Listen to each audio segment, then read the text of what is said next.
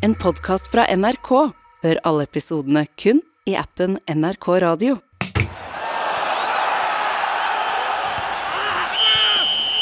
Jeg var på fotballkamp på fredag. Jaha. Ja. Barn og ungdom. Eh, Fjerdedivisjonskamp. ja. eh, men det som slo meg, det var eh, Jeg satt på tribunen, og ti meter lenger borte så satt det en gjeng med unger. Barn. Barn Ja. i alderen gjerne seks-syv år. En, en god gjeng, de var i godt humør. Å, Og De snakket veldig høyt! de snakket veldig høyt, ja. Alle ungene snakket enormt sykt høyt til hverandre. Å. Over lang tid. og, eh, Liksom, det var ikke bare jeg som syntes at det ble litt eh, mye av det gode, at det var litt høyt. Men så tenkte jeg, unger, de hører jo bedre enn vi voksne. Og mye bedre. Ja, altså Jo eldre du blir, jo kanskje dårligere hører du, og noen frekvenser forsvinner jo helt. Så, så disse ungdommene, nei, ungene, de, de syns tydeligvis da ikke at det var ubehagelig at det var så høyt, mens vi som hører litt dårligere, syns jo at det var ubehagelig når det var høyt. Spesielt. Ja, og, og det fikk meg til å tenke på dyr. Med samme utgangspunkt. For det er jo en del dyr, Ja. altså mange dyr, hører jo enormt mye bedre enn oss mennesker. Ja, de kan jo høre på flere fotballbaners avstand. Ja, ja, altså hest kan visstnok høre lyder da på, på fire kilometer vekke. Oi. Men allikevel så skal han liksom knegge, Jeg klarer ikke knegging på Ja, sånn. Veldig høyt. Ja. Ja. Og, og uh, elefant.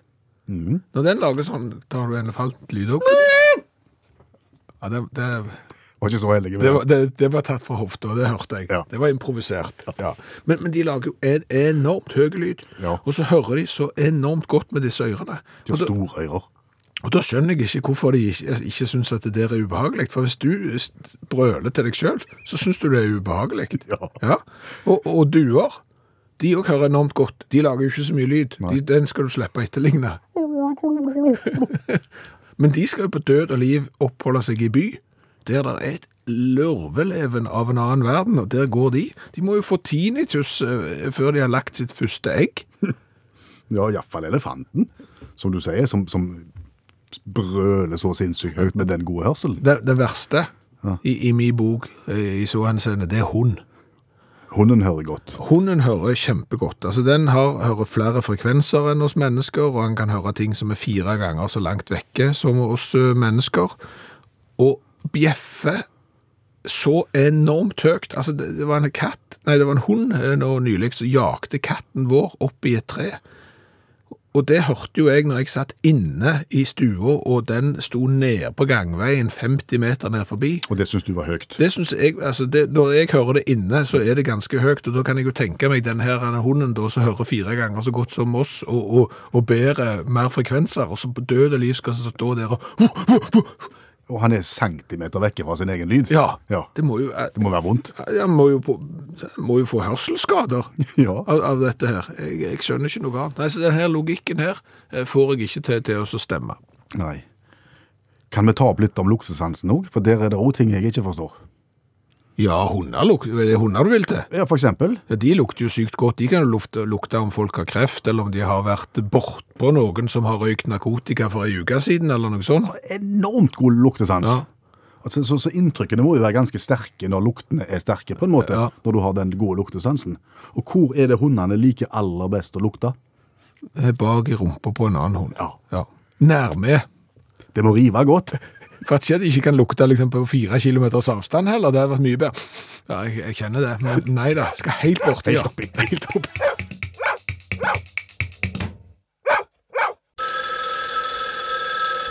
Hallo, ja. Hallais, Klingsheim! God kveld i stuen. Stavanger-kameratene, go, go, go! Happy halloween! Jo, takk skal du ha, du. Ja da, det er jo bare å vise fram eh, de siste kampene til Viking. Når du går rundt på dørene, så skremmer du vettet av folk. Har du hatt besøk i kveld? Det er så dårlig. Ja, jeg har hatt besøk. Det har vært en travel dag. Åh Ja, det har vært genialt på mange vis. hva er det som har gjort halloween-kvelden genial? Det er jo kajakken, og på en måte et genialt forretningskonsept i tillegg. Intet mindre. Ja, fordi at kajakken er kommet tilbake fra sykehuset. Ja, Og for å si det fint, han ser fager ikke ut. hvor hen da? Fikk jo sånn allergisk reaksjon fordi at han eh, prøvde den her eh, bilparfymen min. sant? Der når du skal lukte nybillukt og, og sånn. Så, så inneholdt jo det noen stoffer, så han eh, fikk jo en kraftig allergisk reaksjon. Og etter det så har han sett enda verre ut enn vanlig. Kan, kan du prøve å beskrive hvordan han ser ut? Altså, han var jo oppblåst. Ja. Nå er han enda mer oppblåst. På litt rare plasser, kan du si. Sant? Fordi han smørte seg jo med sånn aftershave på halsen, så den har jo bult ut på den ene sida, og han har jo dunka seg hist og her. Og så har han jo fått utslett i tillegg. Så, Så så- så, huden løsner og sånn. Så han, han ser ikke bra ut. Nei. Så, så da når ungene da i, i dag har, har ringt på døra, For å få godteri? Ja. Ja. så sendte jeg bare kajakken til å åpne. ja. Jeg har aldri sett noen som har vært så vetterskremt i hele sitt liv. Ungene? Ungene, ja! Når dederne misforstår der åpna døra, det er jo som henta på det verste marerittet til disse ungene. De skreik! Så fikk de ikke godteri, da? Nei, de rakk jo ikke det. Det var jo vi som fikk godteri. Fordi at ungene stakk av, ja. Ja, ja, de bare heiv alt de hadde i hendene og stakk i panikk. Og dette skjedde gang etter gang etter gang etter gang, og vi har så kolossalt mye godteri. Skjønner. Ja. Det var ikke snilt, det, da. Jeg har jo gjort en god gjerning òg. I dag? Ja, jeg tok jo det, alt dette godteriet, da. Mm. Og så allierte jeg meg med, med nevø av kajakken. OK. Ja, Froddyen. Froddyen, ja. Ja, han er ti. ti år. Ja. Og, og så sendte jeg han på sånne dører, på sånn uh, tricking treatings, trick, tri- sånn Trick or treat? tri, Ja, sånn knask eller et knekk. Ja. Eller hva det er for noe eh, kraps. Og så, og så ringer han jo på, så er det jo mange som ikke har godteri. Mhm. Sant? Og da, og da når jeg, han kommer til meg og så sier 'Stavangersmurfen, der hadde de ikke godteri', så tar jeg med meg det godteriet som de panikkslagne ungene har lagt igjen hos meg, og så selger jeg det da til de som ikke har godteri. Så, for så kan jeg si 'Hørte dere ikke hadde godteri?' Se her her kan dere kjøpe. Så har jeg lagd sånne poser, og så får de kjøpt en del. Du vurderte ikke å gi dem? Du skal selge det, ja. Ja, selvfølgelig. Ja. Ja, så da var det først kajakken skremme. Hjemme, vi får godteri. Froddyen går på dørene og rapporterer der de ikke har. Så har vi lagd sånn kart. Og så går jeg etterpå og selger, da. Sånn at de har jo godteri. Og det er jo kjekt for de ungene som kommer etter Froddyen, at da har de jo plutselig godteri, skjønner du. ja. Så folk ville kjøpe av deg, altså? Ja, det er klart det. De syns jo det er flaut når de ikke har noe. Ja. For det er jo ikke så, det er jo ikke så etablert, det der er Halloweens. Greiene. Sant? Så alle- Halloween. Ja, så alle er jo ikke klar på liksom hvordan det virker. sant? Nei. Du tenker at det skal være i helga, så er det på en mandag. Ja, sant. Kom igjen, litt bardust òg, vet du, Klingsheim. Kvinnesland heter jeg. Ja, samme kan det være. Skremmer ikke meg. Nei. Nei. Så, sånn at eh, Derfor så er det jo greit at når det ikke er sånn etablert, dette halloweens-greiene, så, så, eh, så kommer jeg da og redder dagen med å selge litt godteri. Du er edel. Jeg er helt enig. Mm, du er det. Ja. Jeg tenkte det. Ja, det er for absolutt alle. Ungene blir vettaskremte. og de som ikke hadde godteri, får godteri. Og jeg får bitte litt en skilling i posen. Ja. Ja. Hvordan gratulerer vi hverandre på sånn halloweens? Halloween. Jeg vet ikke. Jeg tror ikke du gratulerer. Er det sånn god halloween? Sånn. Ja, Takk for, takk for, takk for det galne. Ja, Ja, noe sånn. Funker det. OK. Men eh, du må hilse han med, med eh, allergisk reaksjon og naboen. Ja, han er ute akkurat nå. Han, han ble så hoien på snop at han går òg nå fra dør til dør med pose og skremmer til seg litt. Så, så han vinner i alle, vinner i alle basarer i kveld, det kan jeg love deg. For en gangs skyld så er det utseendet med han. Greit. OK, Snakkes. ha det. Ha det. Kan vi bruke nå de, de nærmeste sekundene til på en måte rose eh, ideen stretchlagen? Ideen stretchlaken kan vi godt rose. For sammenlignet med konvensjonelt laken, så er det jo et kvantesprang. Ja, altså det er jo strikk i hjørnene på en måte rundt, sånn at du trer det rundt madrassen, og det sitter på undersida med, med strikk, mens konvensjonelle lagen de skal jo stappes under madrassen, og jeg er i fall sånn at jeg sover såpass urolig at når jeg da våkner, Ja. så er ikke lagene på den plassen det var når jeg starta å sove. Det kjenner vi oss igjen i. Ja.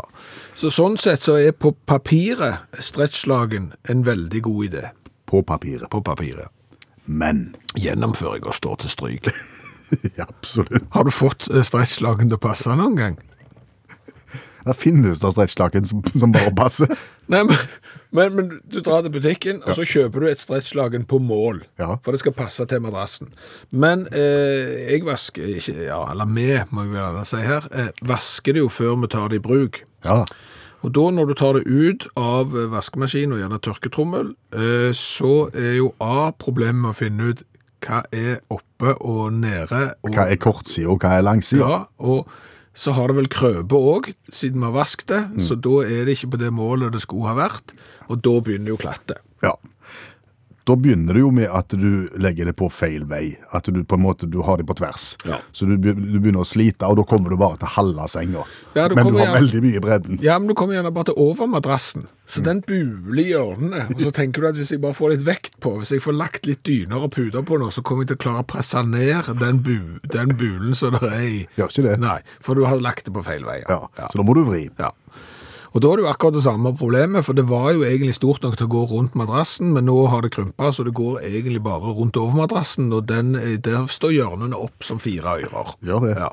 Så da må du ligge litt på det og håpe det går ned. Men da buler du på midten.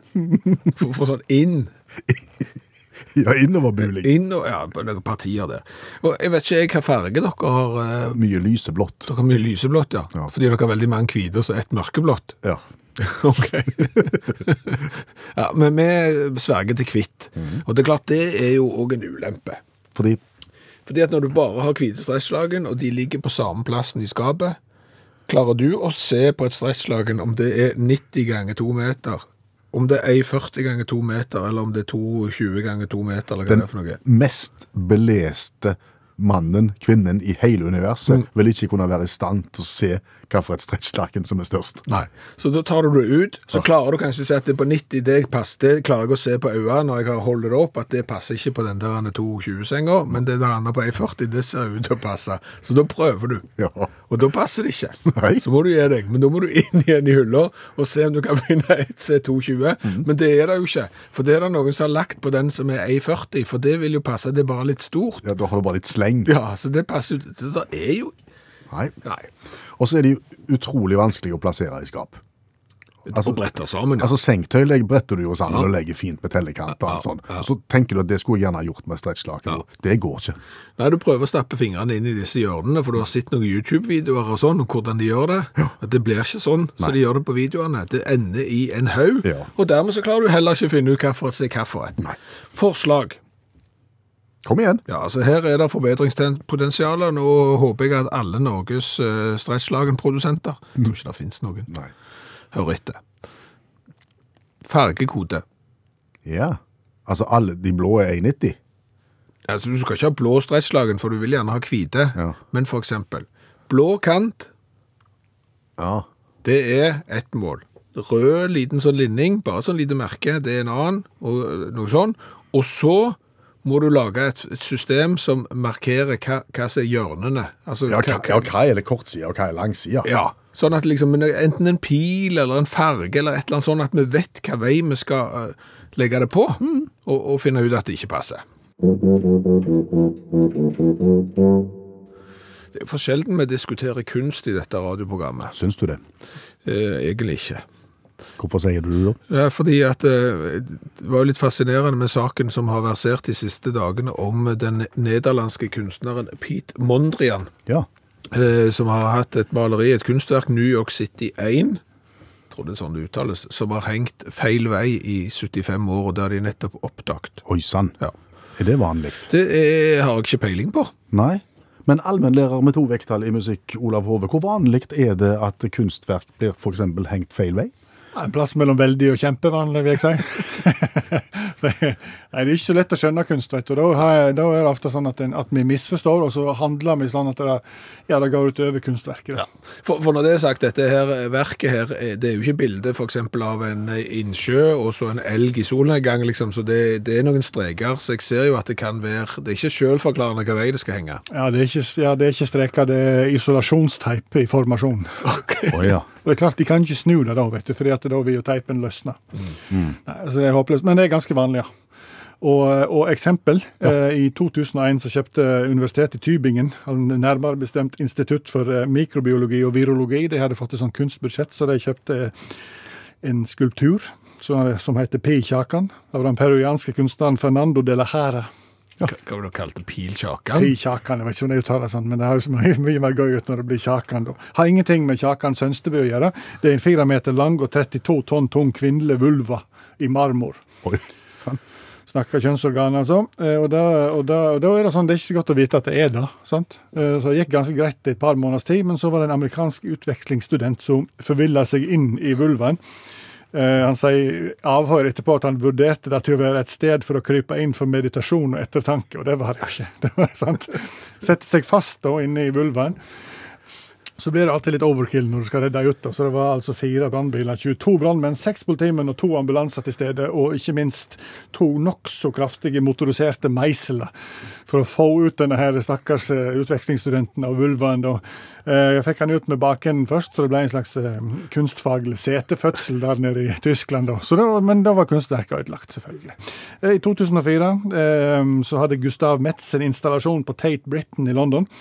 Eh, installasjonen heter 'Gjenskapelse av første offentlige demonstrasjon av autodestruktiv kunst'. Det sier seg jo sjøl hva det er for noe, men uansett det Det er er, derfor det heter Teit, for det er det. det er bare vandalisert av en renholder. Det sto iallfall i avisen en renholder vandaliserte kunstverket. Han ble selvfølgelig kalt inn på teppet, han renholderen. da, Han, sa, han forsvarte seg med at han trodde det var to poser med Boss han hadde kasta. Eh, og da, til hans forsvar, da, så var det to poser med Boss han hadde kasta, men det var en del av kunstverket. da. Men søren skal skjønne det. Og sånn er det jo. med- Det er jo det er ikke første gang en renholder eh, ødelegger et kunstverk. Det skjedde òg um, i 2011 med Martin Kippenberget sitt verk, 'Når det begynner å dryppe fra taket'. Ser ut som det er lagt av en fjerdeklassing, med trau under, og der er det malingsdråper liksom oppi trauet og rundt, da, som skal da illudere eh, kunst, eh, størkna regn, for det er jo Ja, det er fint, da. Ny, ny renholder på, eh, på museet. Kommer forbi, eh, kommer forbi eh, det store verket til Kippenberg og ser Nei, men her er jo noen som har sølt maling. Så hun skrubba og fant fram giffen.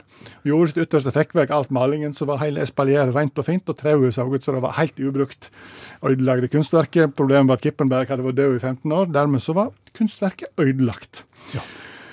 Nasjonalmuseet for kunst i Madrid utstilte Richard Segra sin skulptur 'Equal Parallel' i 1990. Var ikke det helt store suksessen, så de hadde det på lager. 2006 skulle de ha en ny, eh, ny utstilling. Da måtte de dra fram igjen denne her kunstverket hans, 'Equal Parallel'. Viste seg at de som hadde ansvar for lageret, de hadde mista den. Og da tenker de ja, det er sånt som kan skje, du kan miste en skulptur. Når det kommer fram at den her var 38 tonn, så det er klart at da blir Hva sa de klart det her, da? Viste seg at dette kunstverket er fire stålblokker. Og eh, etter litt etterforskning så kom eh, lagerfolkene til fram til at de hadde trolig sendt det til omstøpning, for de trodde det var fire svært upraktiske skillevegger. Så Kunst skal utfordre, jeg skal provosere, men vi skal ikke skjønne det. Takk skal du ha, allmennlærer med to vekttall i musikk, Olav Hove. drar i snora. Og den starter jo med en gang. Så setter jeg meg oppå. Sånn. Der. Der bodde en underlig gråsprengt en. Ytterst på Den høye Oi. Au. Han, han gjorde visst et menneske med med Oi. Au. På land eller sjø. Oi. Utakt. Programmet for deg som liker kombinasjonen vibrator og poesi. Eh, Kan du fortelle hva som står i Utakt-evangeliet? Du skal ikke ha andre radioprogram enn meg. Det er Utakts første bud. Ja. Utakt-evangeliet, første vers. Ja. Eh, dersom en av personalet har vært i utlandet, er personalmedlemmet pliktig til å fortelle om turen dersom det kan gagne vi som hører på. Ja. Og jeg har vært en tur i Liverpool. Ja, Og da er mitt første eh, råd til deg, dersom du skal ta taxi fra Manchester til Liverpool, eller fra Liverpool til Manchester, ja. Hvor lang er det turen det det? er en tre kvarters tid. Tre kvarter, ja. Hvis dere er en gjeng, sørg for at du havner i baksetet og ikke framme med sjåføren. Snakker vi minibuss her, Ja, en liten minibuss. Hvis du er seks stykk, eksempel. så havner du ved siden av sjåføren. Ja. Eh, og smalltalk på Liverpool-dialekt, Det er uhyre vrient. Du er ganske dårlig på smalltalk bare på norsk. Syns du det? Ja, altså du, du har Nei, jeg, jeg, jeg vil si at jeg er ganske god på det, men når jeg ikke fatter hva de snakker om, så er det vrient. Da er det mye joviale nikking. OK. Og, og jeg, vi hadde jo vært på fotballkamp, Ja. så jeg, jeg fikk et sånt fotballbilde i hodet. Eh, du ser vet, når, når, når eh, to lag har spilt mot hverandre, så kommer det gjerne opp sånn statistikk på skjermen. Hvem, hvem hjemmelaget eller bortelaget som har hatt eh, størst ballinnehav. Ja, 59% mot 41 eh, ballbesittelse og sånn. Hvis taxisjåføren er hjemmelaget, her Ja. jeg er bortelaget, Ja. så er det 98-2. det er 98-2, Det ja. Du ja. sa ikke så mye. Nei, og så, så tenker du, så er det også skudd på mål. Ja. Da hadde du da 14 på hjemmelaget, null på meg. Du er der, ja. Ja, ja. Det var blytungt. Ja. Eh, Vi har òg tatt eh, minibuss i, i, eh, England, og vil bare òg minne på om at de, de har rattet på feil side der. fordi at da, da når han kompisen min som måtte sitte framme, skulle sette seg inn i bilen, så, så havna han der som rattet var. Ja, ja, ja. For det er norsk side. Det ser bare dumt ut. Det ser bare dumt ut. Ja, ja. Ja. Du sa en ting til. Ja, skal du på fotballtur, eller for øvrig andre til turer også, men du skal ut og fly, ta med knebeskytter. Ta med knebeskytter. Ja, jeg vil, jeg vil si det. Hva er det slags eh, torskete råd? I tilfelle du havner på setet D eventuelt. Ja, nå har jeg datt av Ja, for lenge du har siden. det. Hvis du havner på det som heter D, da havner du ut mot midtgangen. Ja. Mm. Og hvis du er litt lang i beina og er litt trøtte, for det har blitt litt sene kvelder, så har kneet en tendens til å tippe ut i midtgang. ja. Hva kommer i midtgang i stor fart? Eh, Der kommer det sånn en handlevogn. Der kommer trillevogn. Ja. Og trillevogn i kneskål er uhyre vondt.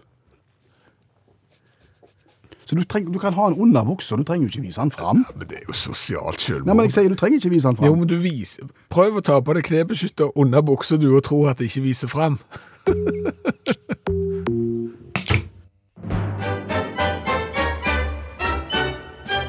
Wir spielen gezwungenes deutsches Karaoke.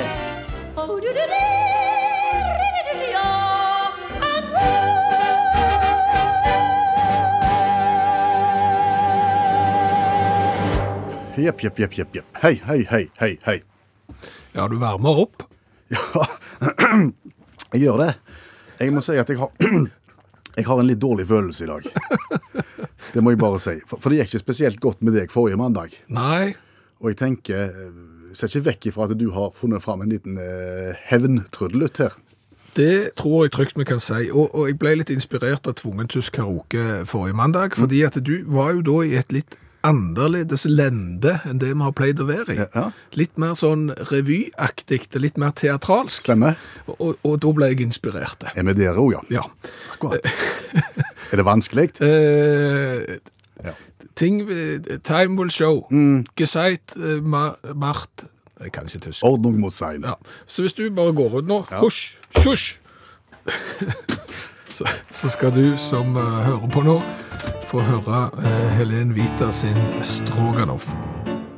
Stroganoff, ein Großfürst einst an Zarenhof, wo sonst, war ein eifersüchtiger Gatte, der in Omsk, gleich bei Imsk, und nur 14 Werst von Umsk, ein großes Gut, was für ein Gut, so ein Gut, na schon gut, kurz und gut, ein Gut, tausend Zellen Dere skjønner eh, hva det går i. Eh, Dette håper jeg kan bli et mageplask av de store. Vel. Ja. Jeg liker ikke det der fliret ditt, så jeg ser det. Nei, Men men du har det der onde øya på deg nå. Altså, men det du skal få lov til å prøve deg på, er jo en sang som Helen Vita har gjort kjent i Tyskland. Og hun er da en sveitsisk chanson-sanger, og hun klarte da i 1966 å spille inn franske chanson eh, på tysk, oversatt til tysk. Og det innholdet der var såpass grovt eh, at eh, domstolene i Tyskland begynte å kikke på saken. Ok. Ja. Jeg tror ikke det det, jeg tror ikke det er grovt eh, nå, for jeg, ikke, jeg kan jo ikke tysk, men, men, men eh, sangen heter Stroganoff. Så det kan godt hende det er en oppskrift, for alt jeg vet. Stroganoff. Ja. Er det en matsang? Ingen peiling. Nei? Eh, teksten eh, sier meg ingenting, for meg er det tysk. Eh, men det er jo bare å si lykke til. Ja, skal, jeg, skal jeg tenke litt revy her, er det det du sier? Eh, Du kan tenke hva du vil, men det er sikkert ikke feil. Stroganoff. Ein Großfürst am so, so sonst var ein frischer Gatte, beim Imsk und nur vor sin Vansk, ein großes Gut und vier Gut. Så gut, nicht gut, så godt og sikkert tusen seile hatte. Hva var det? Nei, det kan du gjerne si. Jeg ble grepen av en eller annen form for eh, revy. Jo, men det Men kom, klarte- det kom jo bare lyder fra deg, Ja, du det har var jo hatt tysk på skolen, og var, var bare. Det var, det var så masse ord at Ja. jeg klarte det ikke. Nei. Har du lyst til å høre originalen? Eh, Gjerne det. Ja. Jeg tror ikke du skal synge med. Nei, lover.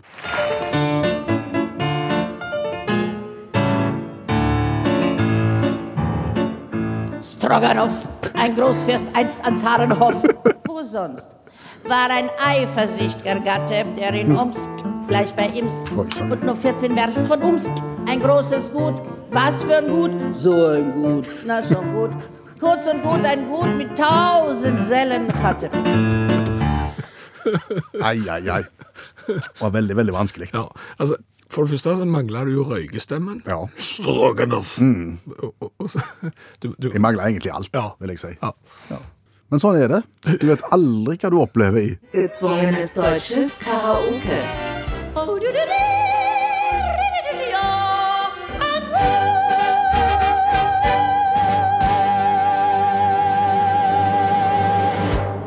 Har du noen gang sett en fotballtrener på høyt nivå i regntøy? under kamp, tenker du? Ja. Aldri. ikke jeg heller. Men jeg har sett veldig mange fotballtrenere ufornuftig kledd i pøsregn bli våte. Ja, altså, eh, jeg har sett en del fotballkamper de siste ukene, eh, både på eh, høyt nivå, passe lavt nivå og ganske lavt nivå, og, og det har vært dårlig vær, og, og trenerne står der på sidelinja i ingenting som er vanntett. Nei. Altså, drar du til Premier League i England eksempel, og da pøsregner, så står de jo gjerne der i blazerjakke, eh, og hvis de tar på seg da en ytterjakke, så kan du være bombesikker på at han er ikke vanntette. Nei. Og da hølja ned når jeg så fjerdedivisjonsfotball på fredag. Eh, Nei da, regntøy nei. Regnjakke. Nei, helt ukjent. Står i joggesko, treningsbukser og en eh, jakke som blir våtere og våtere. Ja, og én ting er på seniornivå, som du sier. Det skjer jo på, på barne- og ungdomsnivå også, og da tenker jeg, da skal jo vi voksne gjerne være gode eksempler, og så lære ungene å kle seg skikkelig. Men også der, Ja. der er det Catalina-jakke og, og treningsbukse og pøsregn. Hva er De på har tilgang til yr.no, har de ikke det? Jo, faktisk verden over. Til og med i England òg, så kan de gå inn på ir.no Irs, ja. og, og se på om det skal regne liksom på eh, White Hart Lane, som ikke heter det lenger, eh, eller eh, noen andre baner. Det, det, men det er jo merksnodig. ja. Men det er sikkert litt sånn som ungene. Det er ikke tøft med regntøy. Det er ikke tøft som manager å stå der. Nei, men jeg skjønner jo heller ikke at hvis du er manager for et fotballag, at du må, Da er varierer jo klesdrakt der òg, men det er jo noen som på død og liv liksom skal ha skjorte og, og, og dressjakke. Er veldig praktisk. Og så skjønner jeg heller ikke de som sitter på benken på sida der, som skal springe inn på banen og hjelpe noen med eventuelt å helle litt vann over leggen hvis han har fått vondt, han eller hun, og, og da har på seg fotballsko. Nei, det er jo litt spesielt. Ja. Kan du ikke bare ha på joggesko, liksom? Er det sant at de som sitter inne i VAR-rommet, dommerne, har på seg dommerdrakt? Det har jeg hørt. Ja, hvis det er sant, så er det merksnodig. Ja. Shorts, dommertrøye og høye strømper. Inne. Ja, viktig å gjerne ha tatt dommerdrakten ned i shortsen. Så, så, for da ser det ut som du ikke passer shorts i det hele tatt. Nei, nei, nei, men- det er, der, der er jo regntøyformer som ikke vil se spesielt sneisent ut på sida. Hvis du står i sånn derre or- signalgule gule, gule. Ja, altså Hvis du står i det regntøyet som du gjerne står i hvis du dirigerer trafikken på sen, sen nattestid For eksempel. eh, i Norge, ja. det vil jo kanskje være sosialt selvmord hvis du da var en topptrener i Premier League, men det går jo an. altså Det finnes jo mye fint i Gore-Tex om dagen. Det gjør det. Ja. Og så sko som er gode på foten. Ja, sko som er gode på foten, og, og for å si det sånn, skinnsko er sjelden eh, spesielt vanntett, iallfall ikke de som brukes til dress. Nei. Drillo skjønte det. Og støvler hele veien. Ja, ja. For aller første gang i verdenshistorien, i Utaks sin colatest, så står jeg her med ei colaflaske. Det er ikke spesielt nytt. Nei, men jeg har òg tre glass. Oi. Er det flere som skal smake? Ja, det er jo en, det står jo en der borte på den andre mikrofonen der. Allmennlærer med to vekttall i musikk, Olav Hove, er også sentral i kveldens colatest, faktisk. Fordi det er du som har brakt colaen til oss. Ja, og det kjenner jeg litt fortærende, for jeg valgte den ut, utelukkende for jeg syntes den så skikkelig ekkel ut. Så tenkte jeg denne kan jeg til, så kan de pines med det grapset der. Hva er det du har funnet fram til oss? Altså, det er jo MNS, som da er Marks Spencer. Ja. Very Interesting Cola. Ei stor eh, glassflaske på 750 milliliter med en rosa etikett på midten, der det er bilde av en lemur med paraply. En lemur, Ja, og, og lemuren de holder til bare på Madagaskar. Stemmer. Og, og den her har da madag madagaskisk, det heter ikke Det heter så- gassisk? Det heter gassisk vanilje eh, oppi. Ok, det er very interesting cola med gassisk vanilje, Ja, og begge dere to kan jo se at fargen her ser ut som litt tynne te. faktisk. Ja. Hvor fant du denne flaska, Hove? Fant det på Marks Spencer, og som sagt, så skikkelig ekkelt ut, så tenkte jeg mitt. Så nå, eh, ja ja. Nei, slik er det. Du har ikke smakt på den sjøl? Nei. Nei. Du skal få smake den nå, men du er, du er ut forbi konkurranse. Ja. Vet, vet vi egentlig noe om den i det hele tatt? Ve- Veldig lite å finne ut om dette. Altså, det er jo da dette her gassiske vanilje Ja. som er med for å sette smak. Eh, Så har de den her stevia. Altså, det er ikke sukker oppi, det er sånn stevia, sånn naturlig søtningsmiddel eh, og noe greier. Ja. Og så, så flotter de seg jo med at det er en veldig unik smak og, og alt det der greiene der. Jeg forbinder Marks Spencer mest med klær, jeg. Ja, jeg òg. Ja. Eh, Men de driver altså da med leskedrikk i tillegg. De driver med leskedrikk og all slags. Ja. Du kan helt sikkert kjøpe moped, leskedrikk og pologenser hos uh, Marks Spencer for alt jeg vet. Piggdekk. Skrukork. Ja. Nå er vi spent på very interesting cola. Det skal noe til å kalle han det jo. Fargen ligner faktisk mer på akevitt, ser jeg nå, når jeg ser uh... Ja. Det ser ut som utvanna cola. Det er så heimebrygg for de som er fra Sogn. Du smaker jo åpen klasse nå, Olav Hove, bare så du vet det. Ja, jeg, Ok. Han lukter lukter jo cola, egentlig.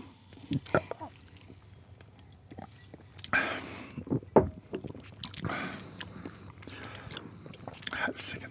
Det smaker jo ikke så mye cola, det smaker jo champagnebrus. Ja, gjør det. Altså sånn, sånn eh, isolert sett, ikke det verste jeg har smakt, men ikke cola.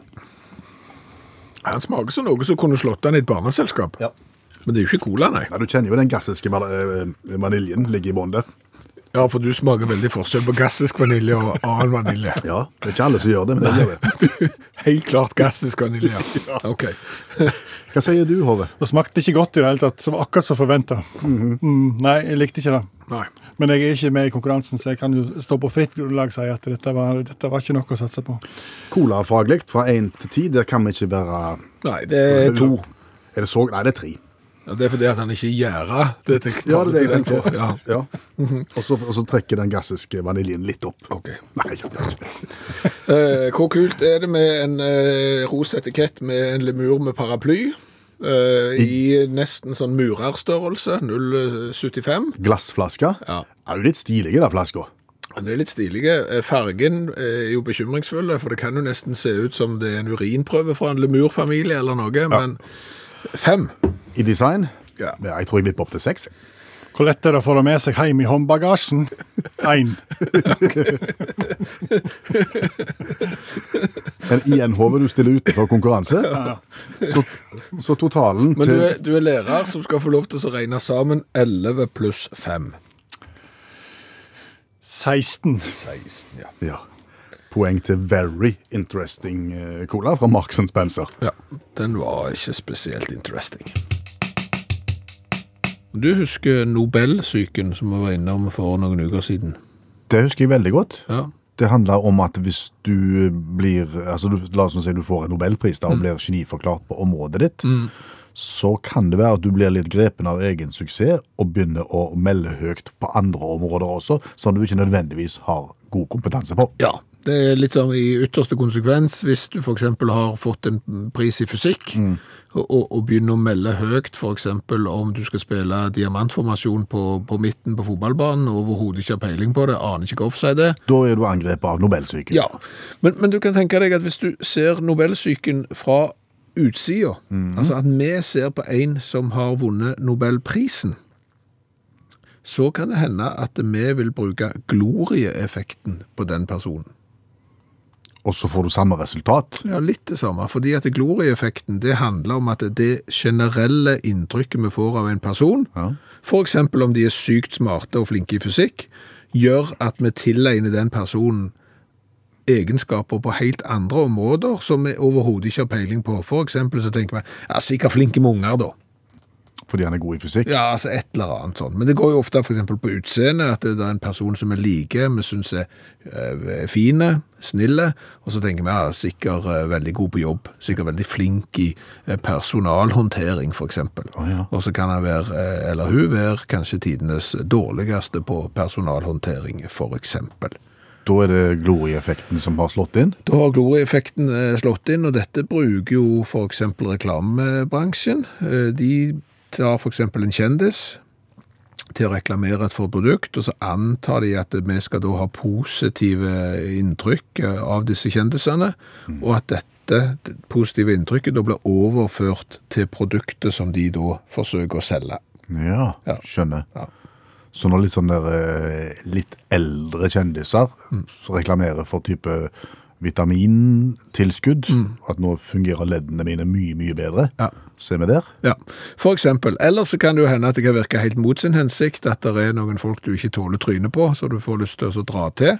Eh, da får du djeveleffekten, altså, for da får du liksom det der hatforholdet til personen over på, på produktet, og det kan jo også skje. Kjenner noen i den kategorien der, ja, uten å gå dypere inn i det. Det skal du ikke gjøre. Nei. Nei. Det er noen fotballspillere for eksempel som spiller på feil lag og har hårstrikk.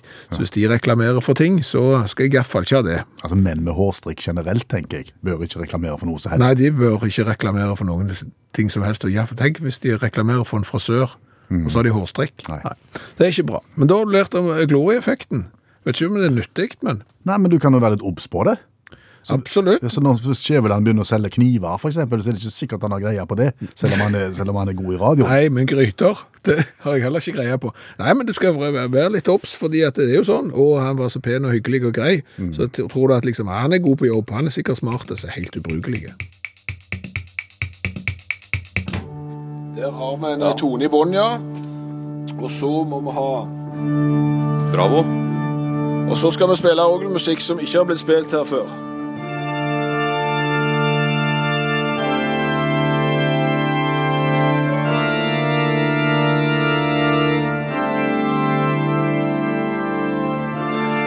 Can feel it coming in the air tonight. Oh Lord, oh Lord.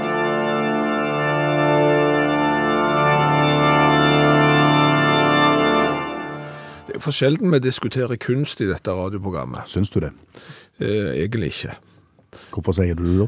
Ja, fordi at eh, det var jo litt fascinerende med saken som har versert de siste dagene om den nederlandske kunstneren Pete Mondrian, Ja. eh, som har hatt et maleri, et kunstverk, New York City 1, jeg tror det er sånn det uttales, som har hengt feil vei i 75 år, og det har de nettopp oppdaget. Oi sann. Ja. Er det vanlig? Det er, har jeg ikke peiling på. Nei. Men allmennlærer med to vekttall i musikk, Olav Hove, hvor vanlig er det at kunstverk blir f.eks. hengt feil vei? En plass mellom veldig og kjempevanlig, vil jeg si. Nei, det er ikke så lett å skjønne kunst, vet du. Da, da er det ofte sånn at, en, at vi misforstår, og så handler vi sånn at det, ja, det går utover kunstverket. Ja. For, for når det er sagt, dette her verket her, eh, det er jo ikke bilde eksempel av en eh, innsjø og så en elg i solnedgang, liksom, så det, det er noen streker, så jeg ser jo at det kan være, det er ikke selvforklarende hva vei det skal henge. Ja, det er ikke, ja, det er ikke streker, det er isolasjonsteip i formasjon. Å ja. Og det er klart, De kan ikke snu det da, vet du, fordi at da vil jo teipen løsne. Nei, altså det er håpløst, Men det er ganske vanlig, ja. Og, og eksempel. Eh, I 2001 så kjøpte Universitetet i Tybingen, nærmere bestemt Institutt for eh, mikrobiologi og virologi, de hadde fått et sånt kunstbudsjett, så de kjøpte en skulptur som, som heter P. Kjakan, av den peruanske kunstneren Fernando de la Jara.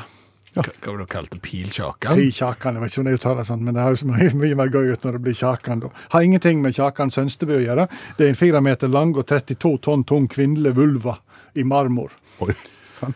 snakker kjønnsorganer og sånn. Eh, Og, da, og, da, og da er det sånn, det er ikke så godt å vite at det er det. sant? Eh, Så det gikk ganske greit i et par måneders tid, men så var det en amerikansk utvekslingsstudent som forvilla seg inn i vulvaen. Eh, Han sier avhør etterpå at han vurderte det til å være et sted for å krype inn for meditasjon og ettertanke, og det var det jo ikke. Det var sant. Sette seg fast da inne i vulvaen. Så blir det alltid litt overkill når du skal redde ut. da. Så det var altså fire brannbiler, 22 brannmenn, seks politimenn og to ambulanser til stede, og ikke minst to nokså kraftige motoriserte meisler for å få ut denne her stakkars eh, utvekslingsstudenten av vulvaen. da. Eh, Jeg fikk han ut med bakenden først, så det ble en slags eh, kunstfaglig setefødsel der nede i Tyskland. det var, men da var kunstverket ødelagt, selvfølgelig. I 2004 eh, så hadde Gustav Metz en installasjon på Tate Britain i London. Eh, installasjonen heter 'Gjenskapelse av første offentlige demonstrasjon av autodestruktiv kunst'. Det sier seg jo sjøl hva det er for noe, men uansett Det Det er derfor det heter teit, for det er det. det er bare vandalisert av en renholder. Det sto iallfall i avisen en renholder vandaliserte kunstverket. Han ble selvfølgelig kalt inn på teppet, han renholderen. da. Han, sa, han forsvarte seg med at han trodde det var to poser med Boss han hadde kasta. Eh, og da, til hans forsvar da, så var det to poser med Boss han hadde kasta, men det var en del av kunstverket. da. Men det- søren skal skjønne det. Og sånn er det jo. med- Det er jo det er ikke første gang en renholder eh, ødelegger et kunstverk. Det skjedde òg um, i 2011 med Martin Kippenberg i sitt verk, 'Når det begynner å dryppe fra taket'. Ser ut som det lagt av en fjerdeklassing, med ei trau under, og der er det malingsdråper liksom oppi trauet og rundt, da, som skal da illudere eh, kunst, eh, størkna regn, for det er jo Ja, det er fint, da. Ny, ny renholder på, på museet. Kommer forbi, kommer forbi eh, det store verket til Kippenberg og ser Nei, men her er jo noen som har sølt maling. Så hun skrubba og fant fram giffen. Gjorde sitt ytterste, fikk vekk alt malingen, så var hele espalieret rent og fint, og trauet så ut som det var helt ubrukt. Ødelagte kunstverket. Problemet var at Kippenberg hadde vært død i 15 år. Dermed så var kunstverket ødelagt. Nasjonalmuseet for kunst i Madrid utstilte Richard Segra sin skulptur 'Equal Parallel' i 1990. Var ikke det helt store suksessen, så de hadde det på lager. 2006 skulle de ha en ny, eh, ny utstilling. Da måtte de dra fram igjen denne her kunstverket hans, 'Equal Parallel'. Visste seg at de som hadde ansvar for lageret, de hadde mista den. Og da tenker de ja, det er sånt som kan skje, du kan miste en skulptur. Når det kommer fram at det her var 38 tonn, så det er klart at da begynner Hva sa de klart det her, da? Viste seg at dette kunstverket er fire stålblokker. Og eh, etter litt etterforskning så kom eh, lagerfolkene til fram til at de hadde trolig sendt det til omstøpning, for de trodde det var fire svært upraktiske skillevegger. Kunst skal utfordre, jeg skal provosere, men vi skal ikke skjønne det. Takk skal du ha, allmennlærer med to vekttall i musikk, Olav Hove. Mulig vi har malt oss inn i et hjørne. Sier du det? Ja, jeg tror det kan være vanskelig å oppfylle NIP-kriteriene i sendingene framover. NIP-kriteriene. Ja, nederlandsk instrumental P1-vennlig prog, også kalt NIP. Er det en forkortelse du har lagd sjøl? Ja, eh, og det begynte jo med at i anledning eh, at du snakket om en musikalsk opplevelse, altså når du opplever hjemme hos noen at de spiller sanger som du òg er glad i, så blir det enda kjekkere å høre den musikken, når du vet at andre liksom, dette er min musikk, og du, jeg har satt den på. Og iallfall hvis det er en sånn musikk som du ikke trodde at andre hadde hørt om i det hele tatt. Ja. Som da jeg opplevde at eh, en svoger skrudde på Fokus. Mm. Nederlandsk progband, store på 70-tallet, og spilte Sylvia. Ja. Det var nesten så tårene kom. Ja. Og, og, og vi spilte jo den da i utakt, den sangen, og fikk jo voldsomt med tilbakemelding. Ja, og, likte folk. og det er jo nederlandsk instrumentalmusikk. Ja. P1-vennlig sådan òg, og progrock. NIP. Eh, og veldig mye tilbakemeldinger på det, ja, så da tenkte vi vi kan jo prøve en gang til. Forrige uke. Ja, og, og da klarte vi å finne en nederlandsk instrumentalsang som var P1-vennlig, og innenfor sjangeren eh, progrock, men så stopper det jo litt opp. Det er jo ikke en utømmelig kilde vi nå er i ferd med å begrave oss ned i. Men så er det jo kjekt at radioprogrammet vårt kan nå ut til litt andre grupper enn det du kanskje tenker er vanlig. Har vi nådd prog-miljøet? Facebook-grupper Progheads, Det er folk som liker prog. det ligger på en måte litt i navnet, ja. Ja.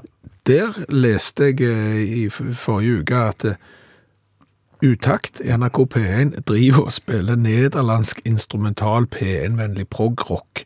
Og dermed så kom det jo tips inn. Da kan dere prøve den, da kan dere prøve den, da kan dere prøve den. Jeg har hørt litt på det, det er ikke alt vi kan prøve der. Men, men jeg tror vi klarer en episode til, sa du. Men hva er da prog, da? Ja, Det er jo ikke A4-rock, for å si det sånn. Det, for eksempel Genesis kan spille i syv, eh, i 13 åttendedeler. eh, Og Nå snakker vi et språk som folk ja, ikke forstår. Ja, men det er jo sånn. Det er Det er komplisert. Eh, Sangene er gjerne litt lange, kan det være. Der er gjerne mange tema. der er fraseringer. Det går i forskjellige rytmer, og det går i forskjellige takt. Det blir gjerne kalt for kunstrock enkelte plasser. Ellers er det bare fint òg. Ja. Det, det varierer litt. Eh, Og vi har fått tips om en i kveld. Ja, vi får tips om eh, den eh, nederlandske artisten Arian, og det er jo da et eh, kallenavn, eller det er jo ikke det, det er et artistnavn for Arjen Antony Løkkassen. Det uttales sikkert r, siden det er nederlandsk. Og vi har da sangen Day Nine Playground. Og det er da nederlandsk. Instrumentalmusikk. P1-vennlig progrock. Nipp. NIP. Ta litt tid før han kommer i gang her. Ja, altså det er jo eh, instrumentalt, så, så du kan jo snakke på egentlig hele veien, men, men det, han kom i gang etter hvert.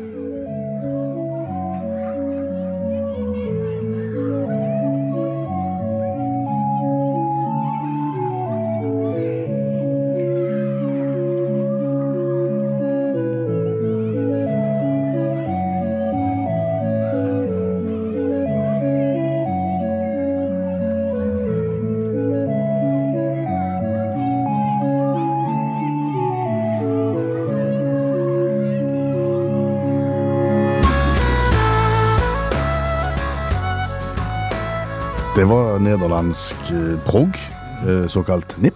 Låten het Playground, og jeg er overbevist om at eh, hollenderen her har vært inspirert av Grieg. Det skal du ikke se vekk ifra. Her var det morgenstemning inni. Ja, og har du tips til en ny nederlandsk instrumental P1-vennlig progrock-sang, så kan vi se om det kan bli en ny episode i denne serien. Det kan, det går, kan fort gå tomt. Ja, Men jeg vet om én som sikkert ble glad nå. Kanskje, fordi at nå er vi virkelig inne i det internasjonale hjørnet her. Eh, Men du som hører på radio, eh, du har eh, etablert ei Facebook-gruppe som er, heter Utakt for og av fans. Og nå fikk vi nettopp tilsendt et bilde over landssammensetningen på de som er med der. Ca. 6000 medlemmer nå, omtrent. Ja, Det er veldig mye fra Norge. Er det det? Ja, det er overvekt av nordmenn, det er kanskje ingen overraskelse. Så er det 15 fra Sverige, og de er nok kanskje ikke svenske alle, de er nok kanskje nordmenn bosatt i Sverige. Så er det en del dansker, eh, så vet vi jo at det er noen fra Storbritannia, for vi kjenner jo noen. Og vi kjenner noen fra USA òg, Tor Gunnar eksempel. Så er det to i Thailand, en i Portugal, en i Frankrike, en i Spania. Og en i Bonaire, Sant Eustasius og Saba.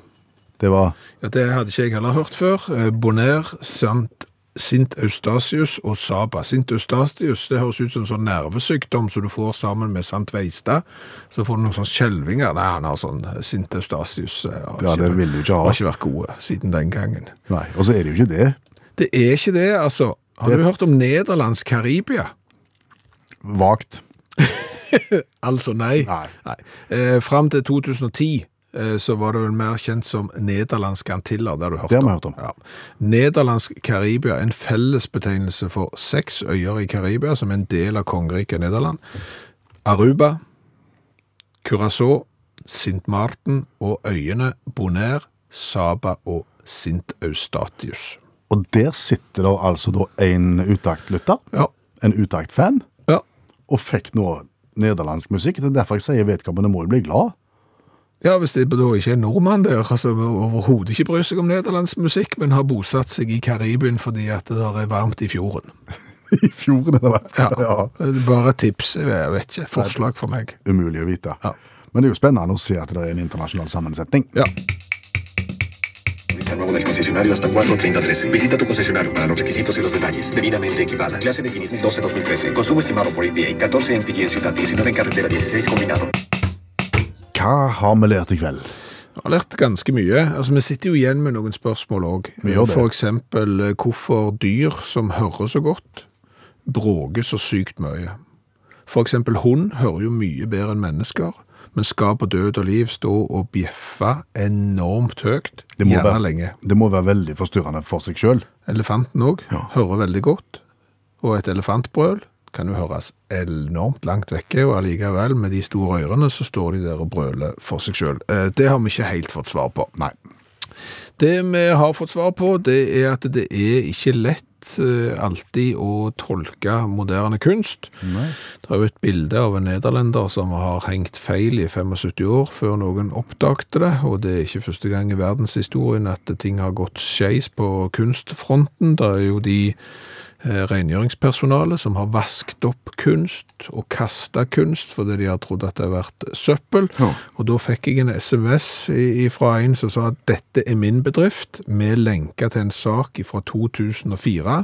Julebordgjestene hadde leid lokaler og ville hygge seg med litt peisvarme. Det var ikke meningen å fyre opp med deler av kunsten på stedet. Da, da var det en kunstinstallasjon og, som inneholdt noe ved, og, og den ble der satt fyr på. Så det kan skje eh, selv den beste. Eh, så har vi jo lært litt om tvungen tysk karaoke. Ja, og vi har vel bare fått stadfesta at det er ikke lett å synge en tysk sang som du aldri har hørt før, bare ved hjelp av et komp. Nei, det er ikke det, og, og jeg har fått også tilsendt en melding fra noen som mener at tysk, ka, tvungen tysk karaoke er fysisk vondt, mm. men samtidig ganske genial radio, fordi at det er så utrolig langt ute. Hør på originalen her.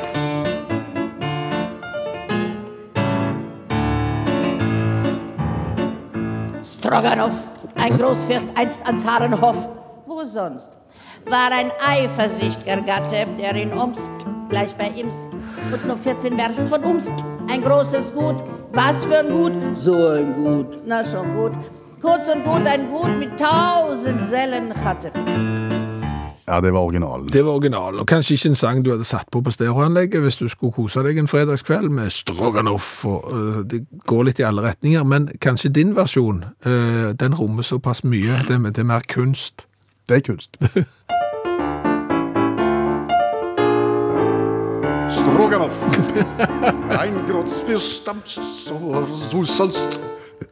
Hva er det du holder på med? Den Imsk und nur fort in Vansk. Innskutte lyder. Og litt, innslag av russisk. Ja, det er bare... Nei, det er klart at her er det kanskje en ny sjanger innen tysk karaoke som vi kan bruke videre. Så har vi lært det at det er ingen fotballtrener på høyt nivå som kler seg etter forholdene. Aldri regntøy. Aldri sett en Premier League-trener stå i pøsregn med regntøy. Nei, de står gjerne med dressjakke eller en sånn en fotballjakke som bare blir våtere og våtere, og til slutt så er de dassblaute. Det har vi lært.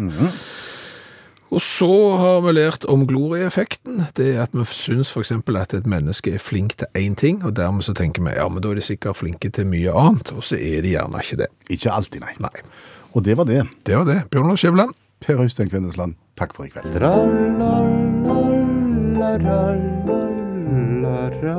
Jaha, det var ikke mer. Sett nå kaffekjelen over og slapp av, og kos deg litt. Takk for nå. Du har hørt en podkast fra NRK. Hør alle episodene kun i appen NRK Radio.